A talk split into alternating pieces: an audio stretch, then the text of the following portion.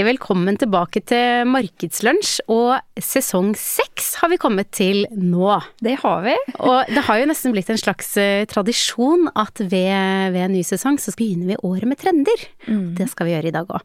Men før det så skal jeg introdusere meg selv. Trine Kolbjørnsen heter jeg, og jeg er her sammen med min gode makker Trine Visdal. Hei, hei. Eh, og i dag så har vi også med oss en gjest, og Trine, kan ikke du fortelle oss hvem vi har med oss i dag? Det har vi, fordi siden vi skal snakke om eh, trender nå for 2024, så har vi tenkt at eh, da er det gøy å samarbeide med noen. Så vi tok rett og slett opp telefonen og ringte til noen av de vi vet er best på innsikt i markedet, og det er Opinion. Og da satte de meg i kontakt med Titti Smith. Velkommen. Tusen takk skal du ha. Så hyggelig at du vil være med i dag. Eh, kanskje du kan gi en rask introduksjon på hvem du er? Det kan jeg. Jeg heter da Titti Smith. Eh, jeg jobber i Opinion som seniorrådgiver. Og eh, der er jeg egentlig tilbake igjen eh, nå, eh, etter åtte år. Eh, jeg begynte der, var der i fem år som markedsanalytiker. Jobbet mye med både kvalitative og kvantitative metoder. Og så reiste jeg litt rundt. Både ledet og bygget opp litt ulike innsiktsavdelinger i forskjellige steder, som Clear Channel, Dentsu, Los og co. Og nå er jeg tilbake igjen for å ta fatt på her trendarbeid. Så bra, fordi det vi skal snakke om i dag er jo denne trendrapporten som vi da lanserte forrige torsdag. Og den gir deg jo da seks trender som vi da mener vil forme markedsføringsåret i 2024.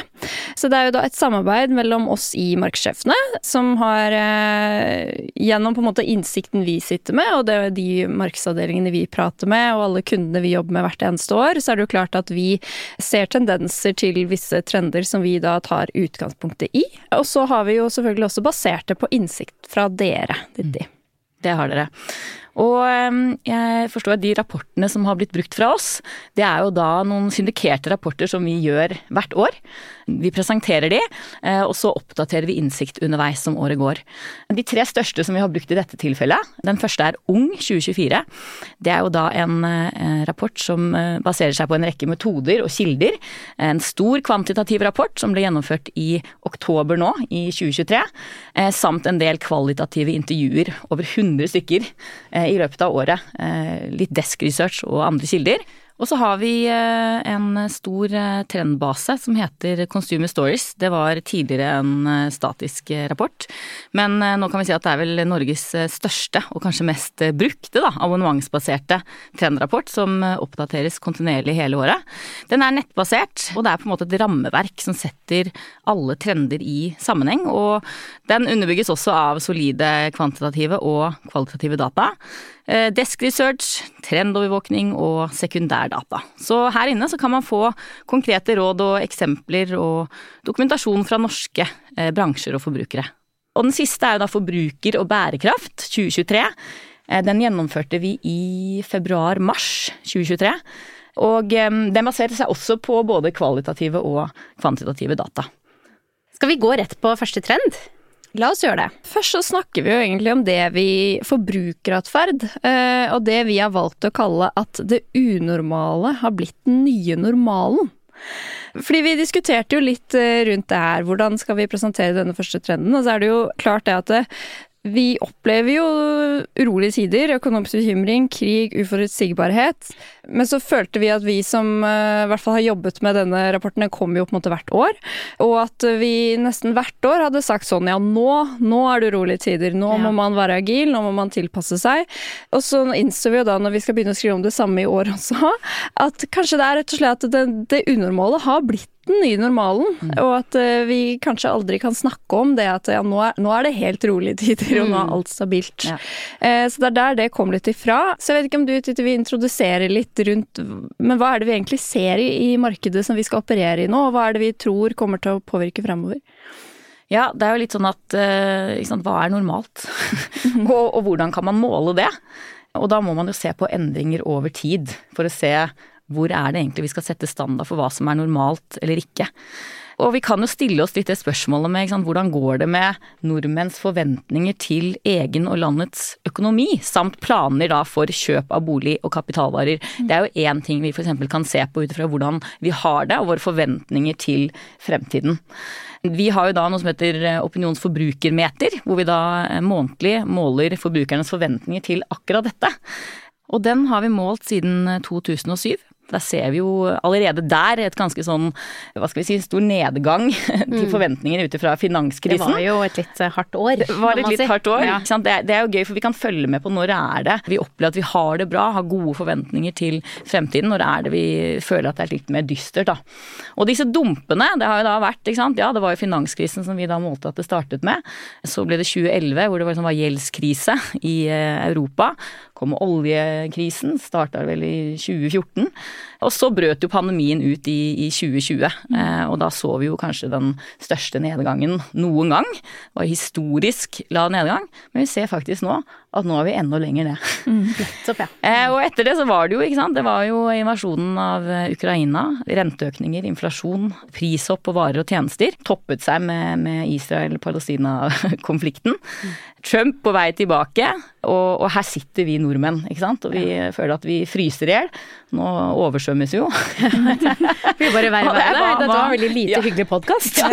Hva skal skje nå?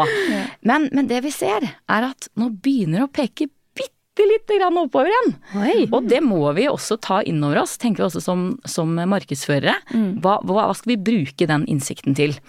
Så liksom, først og fremst, hva gjør vi når tiltroen til landet er liksom på bunn? Hva skjer med oss nordmenn da? Mm. Det som vi ser at skjer, er at vi blir jo veldig opptatt av pris. Ja. På varer og, og, tjenester. Og nesten halvparten av eh, befolkningen oppleves at deres økonomiske situasjon har blitt dårligere det siste året. Eh, og dette er noe som vi målte da gjennom noe som heter Opinions samfunnsmonitor i november 2023. Og eh, det vi også kan se, si at vi, vi, sammenligner priser. Vi følger med på pristilbud. Kampanjer kniper litt igjen mer på, på lommeboka på enkelte varer. Eh, og så mye som åtte av ti nordmenn sier at de har blitt mer bevisst på pris når de velger dagligvarer de kjøper i butikk nå sammenlignet med da for et år siden. Så nå i eh, desember så er jo da riktignok indeksen eh, noe høyere enn den var i fjor høst, da den var på et historisk eh, lavt nivå. Men vi ser jo at vi har beveget oss litt oppover i 2023. Likevel så er jo da forbrukernes forventninger til egen økonomi og landets ganske lav, og vi blir veldig preget av den tiden vi lever i. Så hva gjør dette med oss? Hva, hva, gjør vi da, tenker dere da, som, som, markedsførere? Hvordan skal vi nå inn til oss litt sånn stakkars bekymrede, ihjelfrosne, småsure nordmenn? som, som, trenger noe oi, oi, oi. Kanskje noen lyspunkter? Nei, man må vel kanskje først og fremst kjenne målgruppen sin godt, da. Ja. Vite hva, hva, er behovene deres her og nå, og så spille på de. Mm. Så enkelt, men så vanskelig samtidig. Mm. Altså Hvis det er et, eh, et, år hvor du har på en måte en sum i markedsbudsjettet ditt som du står innsikt på, så burde på en måte det her være det, det, året. Jeg tror det er ekstremt viktig at man har pulsen skikkelig på markedet. Og sånn som du sier, man, at man har innsikt og ser på en måte at når tendensene peker en litt annen retning, at man da ser det tidlig nok og kan mm. reagere også deretter. Da, både med alt fra kommunikasjonen til produktutvikling og til hvordan man jobber i, i markedsavdelingen. Så jeg tenker det blir kjempeviktig. Fokusere på innsikt. Og så er det jo noe med det at eh, det å kanskje legge en strategi eller et markedsbudsjett for hele 2024 eh, nå, eh, og si liksom i januar at ja, nå vet vi hva som kommer til å skje, så nå legger vi hele planen, det tror jeg kan bli litt vanskelig. Mm. Så man må jo egentlig ha selvfølgelig en langsiktig plan, men også ha på en måte muligheten til å flytte litt på deg, da. Hvis du ser at ting kanskje ikke blir akkurat sånn som dere hadde sett for dere. Mm. Så igjen, da, ha denne annet-potten eh, som vi noen ganger snakker om.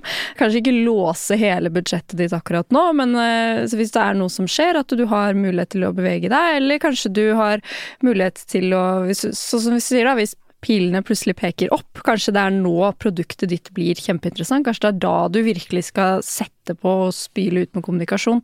Men jeg tror det er veldig viktig å, å rett og slett ikke låse seg nå for hele året. Jeg er helt enig. Kunne ikke sagt det bedre selv. En annen ting som jeg tenker er veldig viktig nå, eh, det er å se på prisstrategien din, og hvordan du skal jobbe med den i tiden framover. Og det kan du lese litt om i denne rapporten når du laster ned den. Og så kan du også um, høre på en episode som vi spilte inn med en professor som heter Ragnhild Silkoseth i september 2022. Så det er veldig interessant hvordan hun snakker om dette med prisstrategi. Og bare sånn helt overordnet så kan man jo for eksempel i disse tider, så kan man kan eh, velge å sette prisen lavt for å vinne nye kunder, gi høyt volum og ta markedsandeler, og det heter en penetrasjonsstrategi. Eventuelt så kan du ha en eh, konkurransebasert strategi, hvor du lar konkurrentenes priser være utgangspunkt for, for, dine priser. Og sånn så øh, sørger du for å holde prisene på ca. Samme, samme, nivå, eller lavere, sånn at du ikke taper salget. Så finnes, og det er bare to strategier, så det finnes masse forskjellige måter å jobbe med det her på. Men hvis du ikke har en prisstrategi, så er kanskje dette tiden for å sette deg ned og ha et bevisst forhold til det. Så det vil jeg anbefale å, å se litt nærmere på. Mm. Ja, men da kan vi kanskje gå over til eh, trend nummer to. Eh, det handler jo om det med innovasjon og det nye landskapet av bevisste valg. For det er jo klart det at det er en helt ny forbruker vi snakker til nå for tiden, eh, kan man jo på en måte si. Hva legger vi i det, Kristina?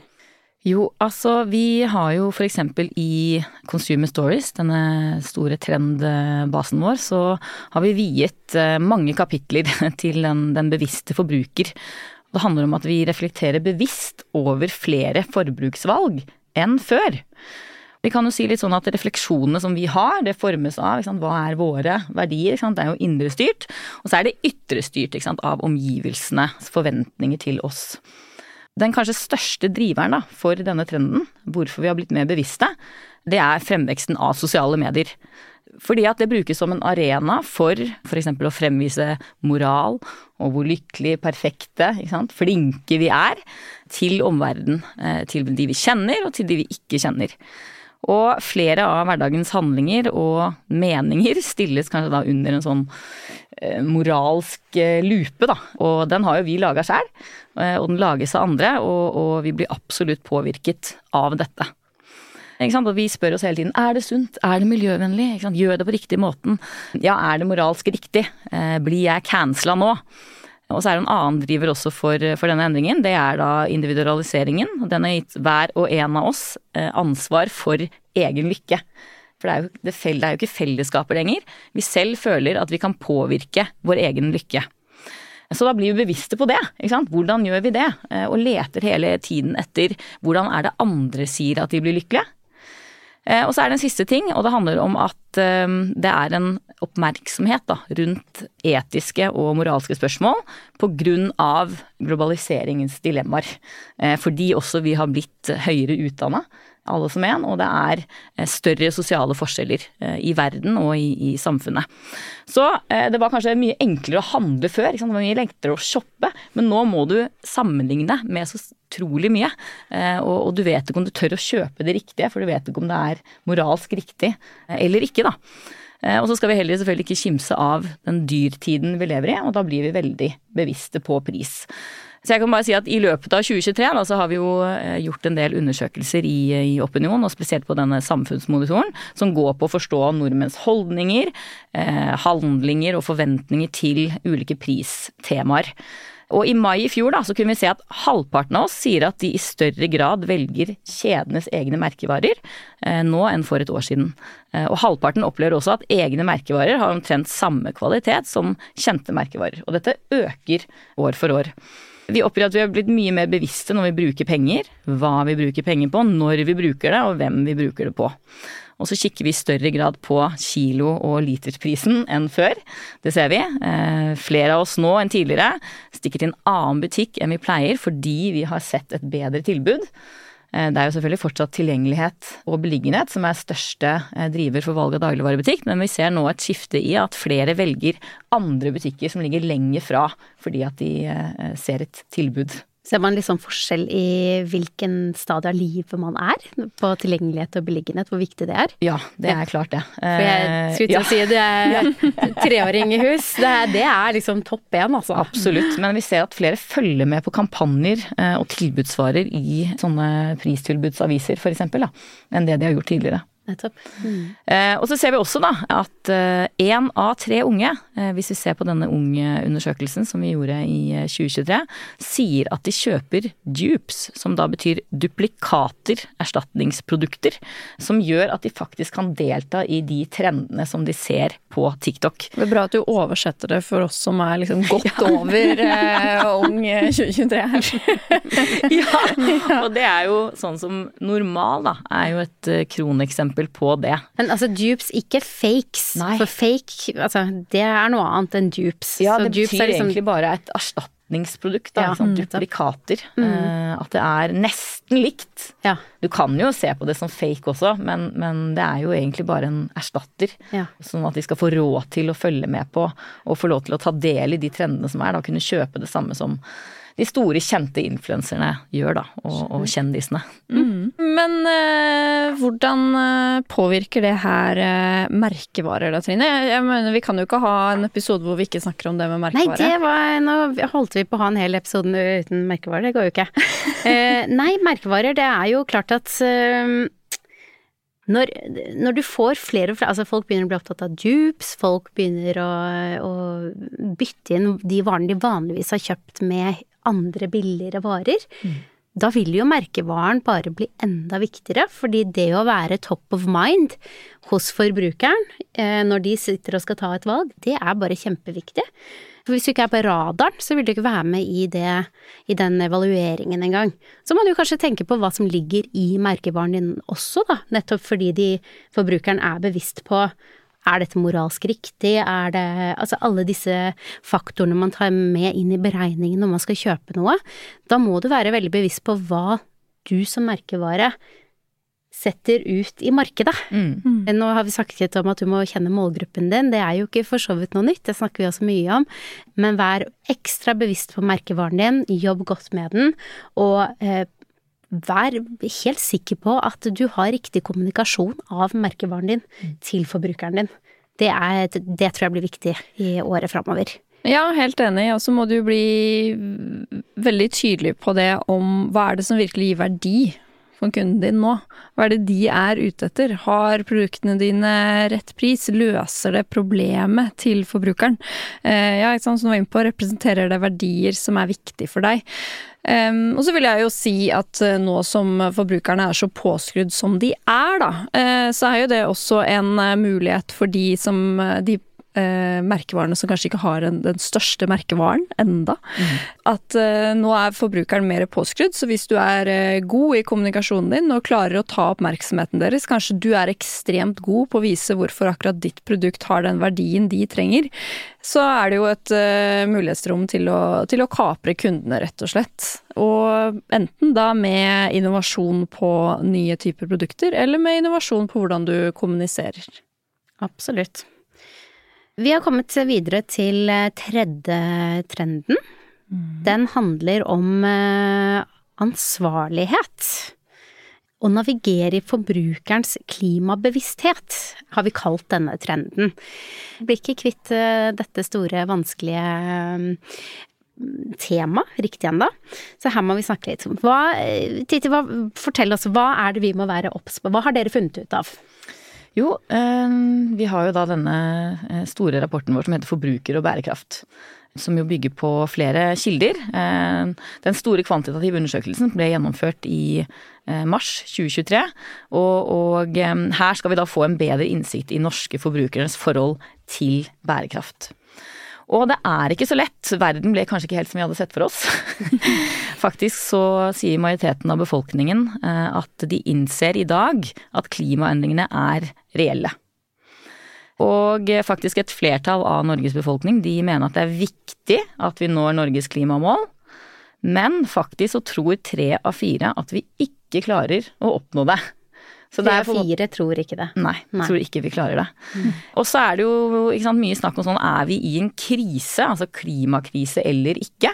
Én av ti eh, i befolkningen mener at det er klimakrise. Det kan allerede være for sent å gjøre noe. Mm. Seks av ti ser situasjonen som alvorlig, eh, men mener vi kan endre kursen. To av ti anser situasjonen som mindre alvorlig enn mange tror. Når vi ser på Ung-undersøkelsen, så mener halvparten av unge i alderen da 15 til 25 år, de er bekymret for miljø og klima. Og så har vi også spurt litt sånn om hva, hva med din egen livsstil, da? Kan du selv endre på, på hvordan vi eh, jobber med bærekraft fremover? Og vi ser at eh, altså sånn, de selvrapporterer jo da inn hvor gode de selv mener de er til å ha en bærekraftig livsstil. Og da ser vi at eh, 38% oppgir at de har en bærekraftig livsstil, noe som har økt fra 27% i 2022. Eh, og som har økt fra året igjen der. Så vi ser at flere og flere blir bevisste på å ha en bærekraftig livsstil. Mer enn ni av ti eh, i befolkningen sier at de har ambisjoner om en mer bærekraftig livsstil, og den har også økt fra tidligere. Så vi kan jo si at eh, det å leve bærekraftig, det fremstår på en måte som kanskje et ideal, da, som de fleste strekker seg mot. Mm. Men, men, når det kommer til næringslivet og myndighetene, så syns jo forbrukerne at de må nok legge inn en liten ekstra innsats for å bidra til da, den bærekraftige utviklingen. Syv av ti mener dette, at næringslivet må gjøre mer, mm. og faktisk kun 13 tror at bedrifter og merkevarer snakker sant uten å grønnvaske. Det er ganske få. Ja, det er, ja, det er ganske få. ja. Da har vi markedsførere gjort en dårlig jobb. Ja, faktisk. Vi har litt å jobbe med der. Ja, og det, jo, det er jo ikke så lett. Mm. Eh, vi ser også bare 15% syns det er lett å finne informasjon om hvor bærekraftig selskapet faktisk er. Mm. Akkurat det tallet der har vært ganske stabilt de siste årene, eh, og det gir jo inntrykk av at folk ikke syns det skjer noe særlig, da. Mm. Så verken bedrifter eller politikere lever, altså leverer på forventning. Mm. Forbrukerne de opplever at de er ganske lei da, av juks og ljug og tomme løfter og grønnvasking. Politikerne har jo ikke akkurat levert på tillitsfronten eh, generelt sett dette året her. Ja, ja. altså, og nå er det bare 2024. ja. og det er litt sånn her, de, de gidder ikke å bli shama eller kasta straff etter, da. Det er, det, er, ikke noe koselig. Eh, man ønsker bevis og, og løsninger eh, som er kanskje litt mer håndfaste og konkrete. Mm. Man vil ha gulrøtter og ikke pisk.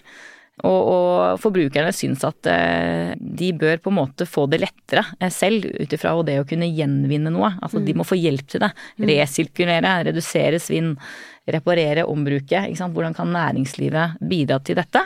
Ikke skyv alt ansvaret over på forbrukerne. Så de forventer jo at uh, selskaper også skal gjøre en innsats som kanskje koster, da. Ja. Vi har hatt en episode med Posten Bring, hvor de var inne og snakket om hvordan, altså hvordan de jobber med bærekraft, blant mm. annet. Og det syns jeg var eh, til inspirasjon og ettertanke til alle oss markedsførere som lytter til denne podkasten, for de er veldig ærlige. De sier vi er ikke bærekraftige enda. Mm. Og så er det, lister de opp alle bevisene og alle tiltakene, og de, de har en kjempe en gigantisk bærekraftsrapport som de sender ut en gang i året, og de er veldig genuine, vil jeg si, i måten de kommuniserer og jobber med bærekraft. Og i denne rapporten eh, som dere kan laste ned, så står det at for å fremstå genuin bør bærekraft gå fra å være noe markedsavdelingen driver med, til en driftsmodell. Og det er det Postenbring jobber iherdig med å få til. Og så er de åpne og ærlige på at de ikke helt er der. Og det tenker jeg vi må ha flere sånne eksempler mm. for å få den tilliten til mm. næringslivet igjen når det gjelder uh, mm. bærekraft. Ja, jeg er helt, uh, helt enig. Uh, og jeg tenker i rapporten også så nevner vi jo annet finn.no. De er jo lette å se etter. De er jo ekstremt gode på det de driver med, og eh, utvikler jo stadig nye løsninger også, og utvider sin plattform i forhold til enda flere tjenester som slett skal gjøre det enklere for forbrukeren. Og sier jo på en måte aldri i sin kommunikasjon at vi gjør dette for at vi skal være mer bærekraftige, men de på en måte er proaktive og finner løsningene som gjør det enklere og gir verdi samtidig som, som det hjelper å pushe litt i, i riktig retning. Sammen med Ikea, de har jo nå lansert eh, tjenesten Ikea kjøper tilbake pakke, eh, som innebærer at de kjøper tilbake de gamle møblene dine og selger de videre i gjenbruksbutikkene sine. Det kan også være et eksempel på en, eh, en god løsning som igjen gir verdi til forbrukeren, samtidig som det, det hjelper dem å, å, å, ta riktige valg. Da. Det er jo egentlig det det litt handler om. Forbrukerne er lei av at eh, de føler at de selv prøver å gjøre grønne valg, og så ser de at de store kommersvirksomhetene på en måte ødelegger, men at de heller vil ha, ha hjelp hjelp og muligheter og tjenester som gjør at det, det gjør det enklere for dem. Mm. Og vi så jo også nå forrige uke, forresten, at um, EU nå vedtar da en ny lov eh, som forbyr grønnvasking og misvisende produktinformasjon. Og det vil jo komme til Norge også. Så de viser jo at nå er vi på forbrukernes side. Eh, miljøets side sørger for at kanskje da mange markedsførere må skjerpe seg, da. Ja. Og da kommer det jo en del punkter på, på hva som er lov og, og ikke lov. Mm. Det er fantastisk.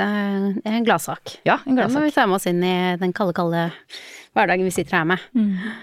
Vi har um, kommet til veis ende for denne episoden. Neste episode, da skal vi snakke videre om disse trendene vi, vi har sett i uh, året som kommer. De neste trendene, er bare for å tease litt, så er det hvordan skille seg ut i et overmettet mediemarked. Den lurer jeg veldig på. Riktig kanalvalg for den selektive forbrukeren fra hype til håndfast verdi for forbrukere og bedrifter. Så det er tre spennende trender vi skal grave litt mer i. Så da er det bare igjen å trykke på den følg-knappen, så får du en liten varsel neste gang eh, episoden slippes. Takk for i dag så langt. Vi snakkes. Vi snakkes. Vi snakkes.